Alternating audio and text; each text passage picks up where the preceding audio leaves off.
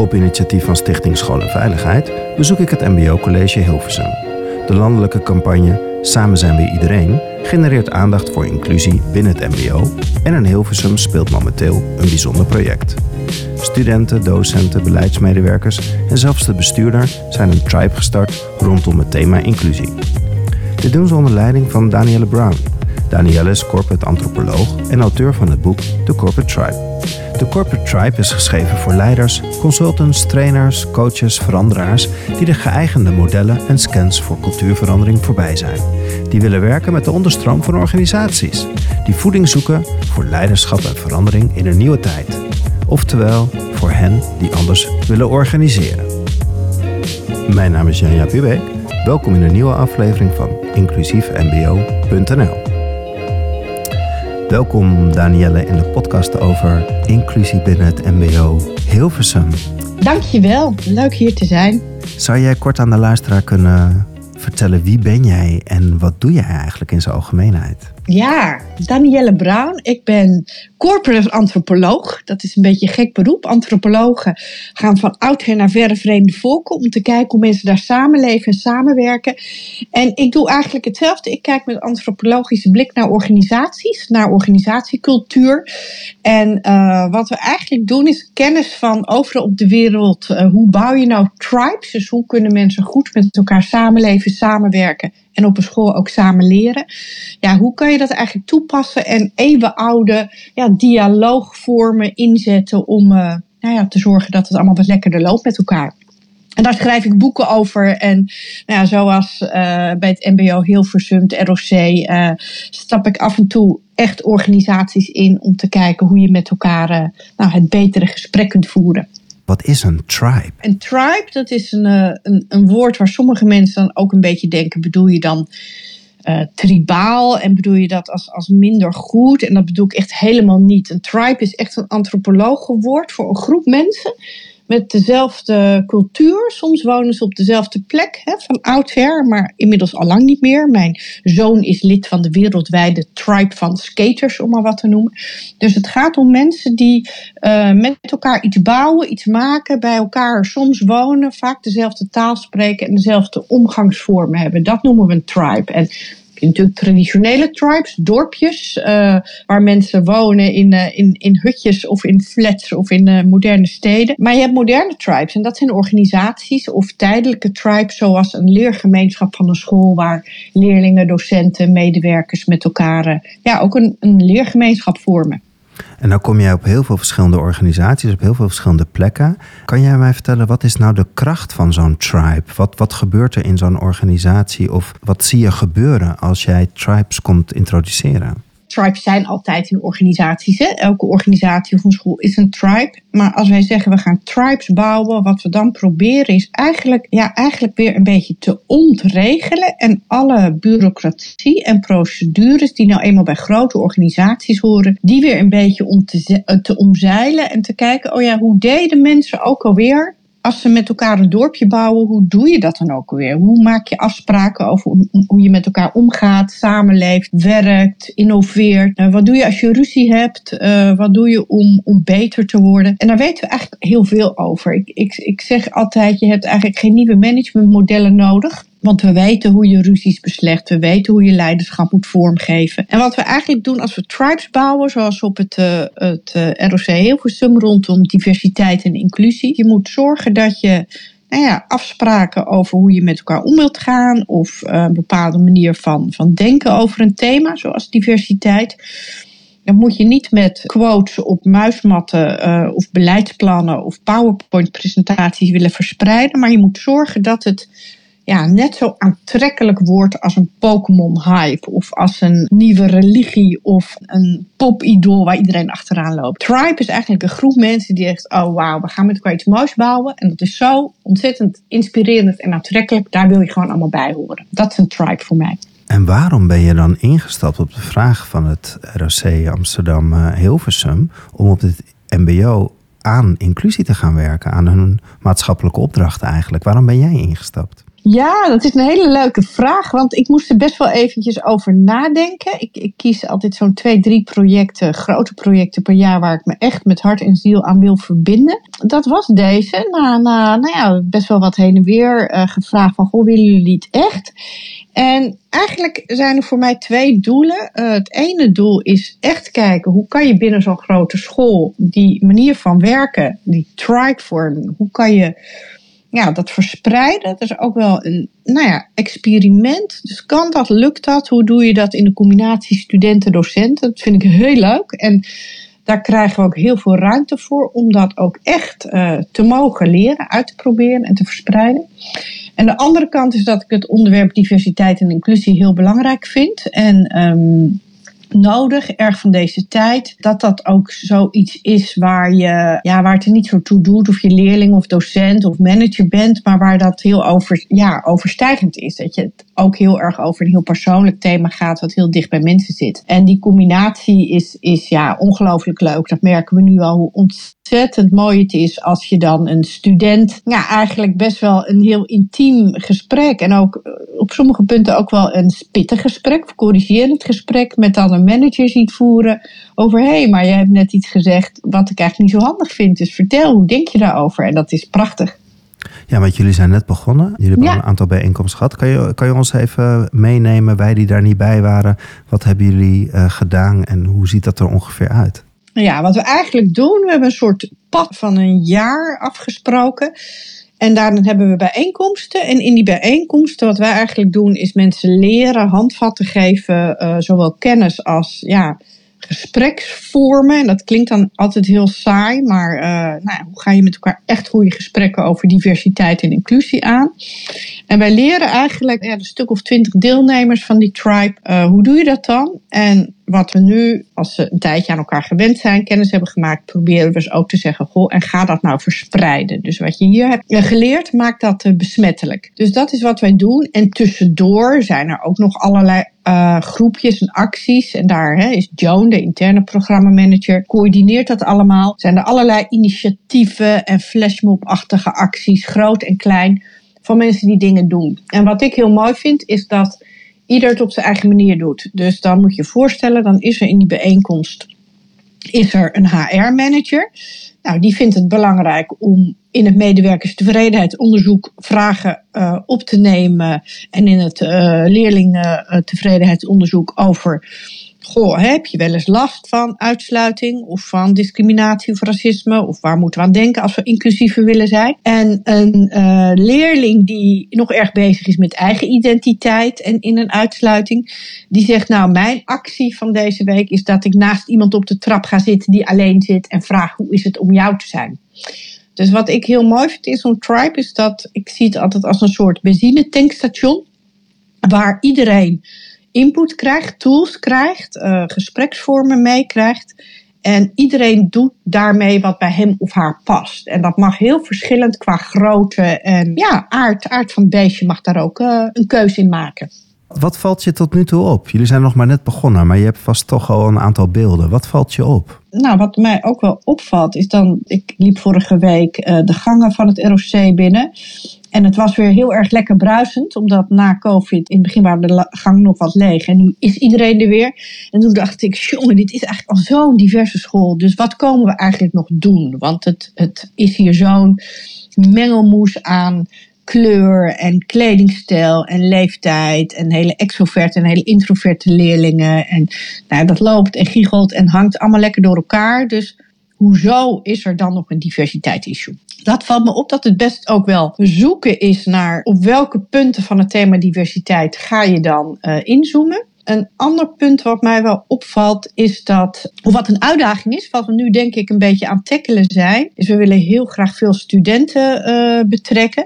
Maar studenten zijn natuurlijk drukke wezentjes en ook tijdelijke wezens die in en uitstromen. Dan hebben ze weer stages en dan gaan ze van school. En dan, en dus hoe zorg je nou dat je en een hechte gemeenschap met elkaar maakt, waar wel in- en uitstroom mogelijk is. Dus dat vind ik best nog wel een puzzel om daar, uh, om daar goed mee om te gaan. Die docenten en die managers, die zijn, weet je, die zijn er altijd. Hè? Die zijn stabiel, die hebben er ook gewoon tijd voor en het hoort gewoon bij hun werk. Maar studenten zijn zeker, van die actieve studenten zitten vaak ook in allerlei andere clubjes en studentenraden. Ja, die zijn gewoon druk. Dat is gewoon een realiteit. En je begint heel mooi, want dat valt mij ook op. Er is een heel divers publiek op deze instelling. Maar lukt het ook echt in het onderwijs om uit te gaan van die verschillen? Om echt aan te sluiten bij die diversiteit? Lukt het om de, de onderwijsinstelling ook echt inclusief met, met die verschillende groepen om te laten gaan? Nou, dat is een goede vraag waar ik nog niet alle, alle zicht op heb. Ik denk eigenlijk dat het heel vaak heel goed lukt. Ik denk als je menig uh, MBO-ROC-docent vraagt hoe doe je dat in je klas, dat die, ja, weet je, dat is hun dagelijks werk. Ik denk sowieso dat uh, MBO-docenten erg goed zijn in heel erg kijken wat elke leerling, student nodig heeft om het beste uit zichzelf te halen. Dus ik, ik denk zeker dat die basishouding er is. En dan nog steeds heb je natuurlijk uh, ja, toch issues. Hè? Mensen die toch zeggen, studenten, uh, en ook docenten zeggen, ja, we hebben toch nog te weinig oog voor kansenongelijkheid, voor kleur. Wat doe je als iemand toch een heel specifiek diversiteitsvraagstuk heeft? Als iemand bijvoorbeeld transseksueel is of is met zijn coming-out bezig omdat hij homo is. Of iemand heeft een handicap en die komt toch wel veel struikelblokken tegen. Wat doe je daarmee? En wat natuurlijk ook altijd een interessante vraag is, is wat altijd bij diversiteit speelt in de samenleving en ook op een school is dat het soms zo is dat de vrijheid van de een de onvrijheid van de ander is. dus, dus als je zegt, goh, ik vind uh, religieuze vrijheid heel belangrijk, dus ik wil met flink bedekte kleding naar school kunnen komen. Ja, daarvan zegt een ander misschien weer dat voelt voor mij als meisje wat uh, juist wat bloter gekleed wil gaan, uh, intimiderend en of ik dan niet mezelf mag zijn. Dus het is niet altijd makkelijk om het eens te worden over diversiteit. Dus het is altijd ook wel een, een spannend onderwerp. Nou, je zegt het heel mooi, hè? Eigenlijk om ruimte te geven voor de ander, moet je dus ook iets van jezelf opgeven. Of je moet er echt ruimte voor, voor maken, ook vanuit je, vanuit je eigen bewegingen. Zeker. Het is altijd heel makkelijk om te zeggen, ach, het begint bij respect. En dat het is ook een groot goed. Hè? Dat, daar begint veel dingen ook mee. En wij noemen dat heel erg, hoe is het om jou te zijn? Dus heb het nou eens over die hele persoonlijke vraag van, goh, wat maakt dat jij denkt zoals je denkt? Uit wat voor gezin kom je? Hoe ben je geboren? Wat vind je belangrijk? Wat zijn in jouw leven items die ertoe doen voor je. En toch kan je op grenzen stuiten dat je zegt, ja, in, in mijn leven vind ik geloof of christen zijn of moslim zijn of hindoe zijn heel belangrijk. En het betekent dat ik homoseksualiteit afkeur. En voor een ander is dat heel uh, kwetsend en heeft het gevoel dat hij of zij dan niet gezien wordt. Ja, respect is zeker altijd start- en eindpunt, maar het is niet de oplossing voor alles. Daarom is denk ik zo'n thema belangrijk op zo'n school omdat alleen maar posters ophangen van wij gaan hier respectvol met elkaar om. Dat is heel mooi, maar dat is ook wel een beetje unicorn, ja, iets idealistisch. Nee, je moet het echt doen, hè? Dat is wat je zegt. Je kan het toe oproepen of je kan het toe uitnodigen, maar dat is niet genoeg. Je moet het echt doen. Ja, en het vraagt ook continu onderhoud. Het is ook niet zoiets als uh, je huis schilderen dat je weer voor tien jaar klaar bent. Het, het, het is nooit af. Het is echt. Uh, en wij zijn toch, en dat is wat ik als antropologische kennis vaak ook inbreng. Hè. inbreng. We geven ook stukjes uh, college. Doe dat samen met mijn collega Esther van Venema. Zij is psychiater. En wij brengen echt ook wel stukjes kennis in over hoe ons brein werkt. En dat het nu eenmaal zo is, of we dat nou leuk of stom vinden, dat we toch iets meer geneigd zijn om om te gaan met mensen die op ons lijken. En die conflicten toch een beetje te vermijden. Ja, daar kan je van alles van vinden. En dan inderdaad heel normatief zijn over hoe je met elkaar om zou moeten gaan. Alleen de praktijk is vaak anders. En het vraagt dus echt om continue aandacht en onderhoud om het beter te doen dan onze primaire driften en angsten, zeg maar, ons ingeven. Hoe kan je nou zien, of waaraan zie je nou dat zo'n tribe iets in die organisatie doet, dat het effect begint te resulteren? Waaraan kan je dat zien of voelen? Ja, als er over gepraat wordt, hè? dus als het gaat zoomen. Ik, ik zeg altijd, het is, um, en dat is moeilijk, want we zijn gewend om te denken in uitrollen en quota en beleidsplannen en het regelen en control. En dat is vaak heel moeilijk in het begin als we met elkaar werken om dat op te geven, want dit is wat minder goed meetbaar. Kijk, je, het is een beetje de vraag of um, we weten nu allemaal hoe besmettelijkheid werkt met dat vervelende COVID-virus. Uh, het is een beetje, ja, hoe merk je dat er een pandemie bezig is? Nou, als opeens heel veel mensen het hebben. En zo werkt het ook met positief besmettelijke tribes. Dat als heel veel mensen het opeens hebben over een quote als hoe is het om jou te zijn? Of er gebeuren allerlei acties, of het gaat overal bruisen en bloeien. Ja, dan weet je dat je goed bezig bent. Wat eigenlijk funest is en heel verleidelijk, omdat we gewend zijn zo te organiseren, is als je het dan gaat. Ja, mijn zoon noemt dat vermoederen. En daarmee bedoelde hij dat als moeders zich gaan bezighouden met als kinderen leuke dingen doen, dan is het niet meer leuk. Dat is niet meer cool. Ik weet niet of je je nog kunt herinneren. Er was een tijd zo'n hobby van vooral meisjes en sommige jongetjes van zo'n jaar of 19 loomen met elastiekjes, allerlei armbandjes en kettingjes en dingetjes maken. Zeker. En hè, die, die, nou, die dingen vond je nog drie jaar later onder je autostoel, zeg maar, hè, die loom-elastiekjes. En op een gegeven moment begonnen docenten dus kinderen, nou dat ging echt viral. Hè? Dat was echt enorm hot om te loomen. En kinderen wisselden allerlei techniekjes en, en patroontjes met elkaar uit. En op een gegeven moment kregen juffen en meesters door dat loomen heel goed was voor je fijne motoriek. En toen gingen ze in klassen gingen ze manden met loomspullen maken en het ook in, in schooltijd opnemen. En toen is de hype gestopt. Je merkt als een tribe leeft, als er allerlei initiatieven ontstaan. En je kunt het zeg maar doden door het te vermoederen en door het weer in beleidsplannen en, en spreadsheets te willen gooien. En dat is wel verleidelijk, want in een organisatie zijn nou eenmaal ook altijd staande procedures en protocollen. Dus dat wil je soms coördineren, omdat um, ja, besmettelijkheid creëert ook chaos. Maar dat is juist heel leuk, als iedereen er zijn eigen dingetjes mee gaat doen. Want je zegt eigenlijk van zodra het beleid wordt en zodra we het vierkant maken, dan leeft het niet meer. Hè? En dan heeft de doorwerking van de tribe geen, geen doorwerking meer. Ik sprak net Michelle. Michelle is een student. En ja die vertelde over Jeroen, de voorzitter van het MBO-college. En zij vond zijn leiderschap heel belangrijk en dat hij hieraan deelneemt. En dat vond ik heel mooi dat zij dat, dat aangeeft. Want dat zou dan mijn vraag zijn: hoe belangrijk is leiderschap, of wat vraagt het eigenlijk aan leiderschap, om dit proces goed te te faciliteren zonder dat het beleid wordt. Hè, dat je dat loom-effect krijgt, wat je zo mooi zet. Maar dat het wel die zoomwerking heeft. Wat vraagt dit aan leiderschap? Ja, dat, dat is een hele goede vraag. En wij hebben dus een tribe, dat zijn echt de mensen die het doen. En wij hebben een zogenaamde hoedersgroep, hè, of een, een groep van elders, van supporters kan je het ook noemen. Hè. Daar kan je natuurlijk elke naam aan geven die je wil. Wij noemen het een hoedersgroep. En in de hoedersgroep zit inderdaad Jeroen en zit uh, Horia en zitten een aantal managers. Ook mensen die mogelijk op andere onderwerpen weer in het vervolg tribes willen gaan bouwen op duurzaamheid en sociale uh, veiligheid. Nou, Joan zit als programmamanager, de externe sponsor. En dat is eigenlijk, ja, je zou kunnen zeggen, de fruitschaal onder het hele proces. Hè. Dat moet echt de bedding zijn die faciliteert met tijd, met geld, maar zeker ook met kom er niet aan. En wat je merkt in zo'n hoedersgroep is dat je daar ook, we hebben daar nu één uh, bijeenkomst mee gehad. En ik, ik vind het echt bewonderenswaardig ook. Dus echt mijn complimenten voor Jeroen, hoe hij ook echt zegt, het mag ook fout gaan. We mogen leren, we mogen experimenteren en laat gaan. En niet elke actie hoeft tot resultaat te leiden.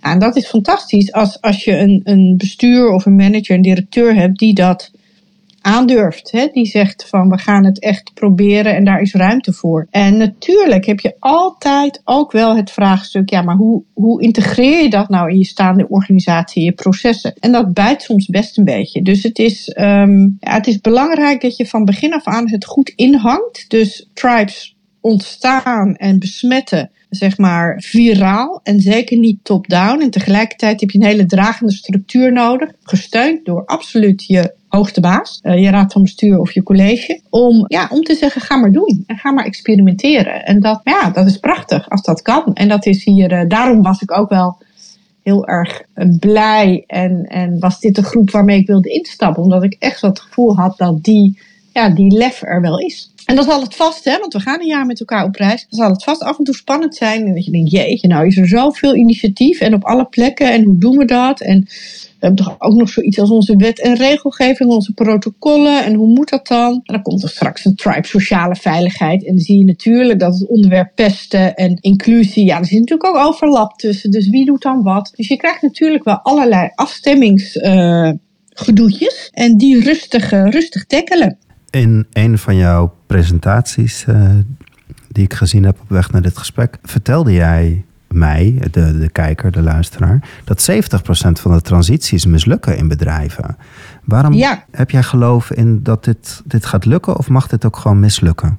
Nou, op onderdelen mag het mag natuurlijk mislukken, maar het vormen van zo'n tribe wil ik liever niet dat mislukt. Kijk, wat mag mislukken is dat een paar mensen zeggen we gaan een actie doen en dat het dan toch niet gebeurt. Omdat we geen tijd hebben of omdat het toch niet zo'n goed idee was of omdat, nou ja, honderd en redenen. Dus je mag heel veel bloemen laten bloeien en sommige komen daarvan tot volle wasdom en andere niet. Maar zo'n tribe eh, bouwen, wat eigenlijk niet mag mislukken, is, is de energie die je in zo'n organisatie brengt. Dus dat je, ja, dat je eigenlijk gebruik maakt van een heel natuurlijk mechanisme. Dus we doen in organisaties best wel onnatuurlijke dingen. Hè? Wat ik net zei, als je hè, kinderen leren lopen, lezen, uh, dat doen ze allemaal een soort van vanzelf en naar anderen te kijken. En op school vinden we opeens dat dat met allerlei leerlingvolgsystemen moet. Hè? Dat is natuurlijk sowieso heel interessant dat we denken dat leerlingen daardoor harder gaan leren. Hè? Dat, dat is een hele interessante aanname. En, en we hebben ook een hele interessante aanname dat mensen weerstand tegen verandering zouden hebben. Terwijl, ja, vanuit antropologie zeggen we, nou ja, mensen hebben niet zozeer weerstand, maar soms hebben ze een andere mening. Dus je kunt zeggen, ja, dat is weerstand tegen diversiteit. Terwijl als je gaat onderzoeken, dan zijn er mensen die zeggen, nou, ik heb geen weerstand. Nou, ik denk er gewoon anders over. Ik denk gewoon dat we niet zo moeten zeuren en gewoon onderwijs goed onderwijs moeten bieden. En dat is een veel interessantere manier van kijken. Dat je zegt, nou, is geen weerstand, gewoon iemand die andere accenten legt. En, en vertel, en kom dan eens bij een bijeenkomst en leg eens uit waarom jij de wereld zo ziet. En dat is een hele andere houding dan als je top-down met bullet points en diversiteitsquota en afvinklijstjes um, en verkiezingen en diversiteitsbokalen. Ja, ik geloof niet zo in die aanpak. En precies wat je zegt, het is ook wel bewezen dat het ook heel vaak niet lukt. Hè. Dat proberen we natuurlijk al heel veel jaren, zeker op het onderwerp diversiteit en inclusie. En dan is vaak het resultaat hè, van allerlei, ja, zeg maar, uh, afvinklijstjes en zo. Daarvan is vaak het resultaat dat je dan hebt voldaan aan je quota, maar dat ze dan bijvoorbeeld, hè, dan zeg je nou, we moeten een bepaald percentage vrouwen hebben op managementfuncties, of mensen van kleur, of mensen met een andere religieuze achtergrond. En dan is het resultaat dat je dan wel iemand met andere religieuze achtergrond in je raad van bestuur hebt, maar die eigenlijk heel erg op je lijkt. Dus dan heb je geen echte diversiteit uh, gekweekt.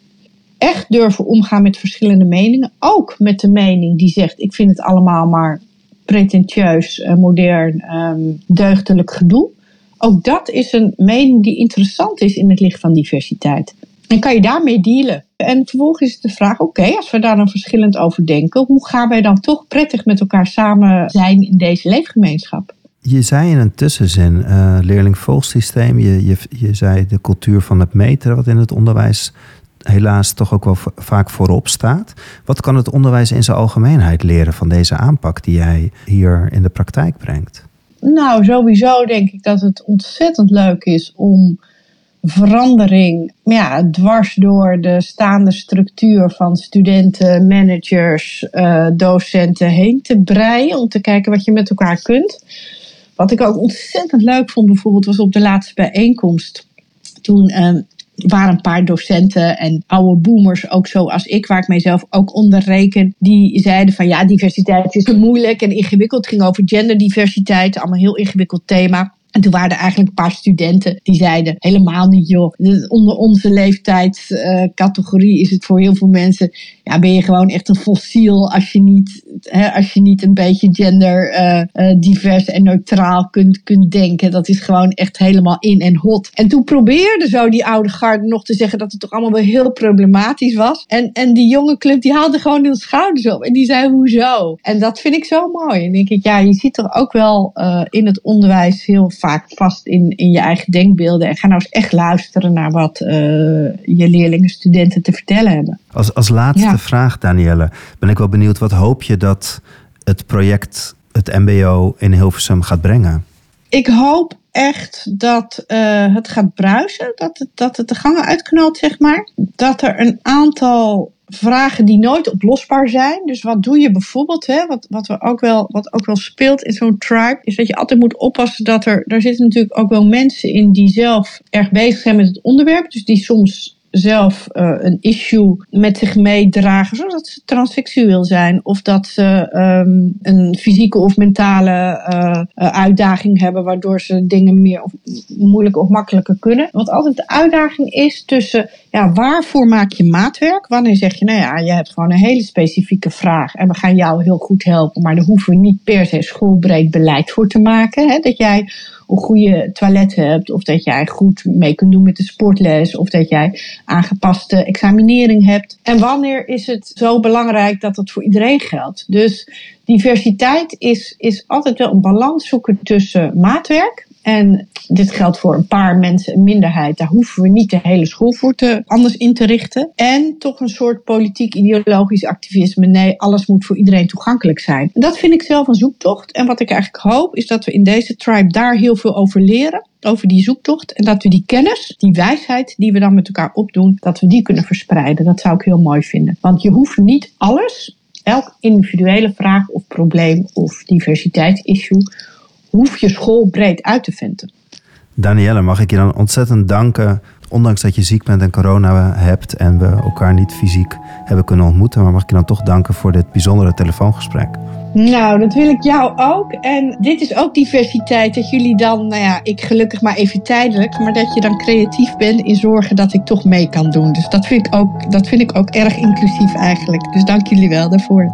Graag gedaan. Heel veel beterschap, Danielle. Ja, dankjewel. Je hebt geluisterd naar de podcast inclusiefmbo.nl op initiatief van Stichting School en Veiligheid. In de campagne Samen zijn we iedereen vragen wij aandacht voor het belang van een inclusief klimaat binnen het MBO. Voor meer informatie over dit thema kun je terecht op de website inclusiefmbo.nl. Tot de volgende aflevering in deze serie.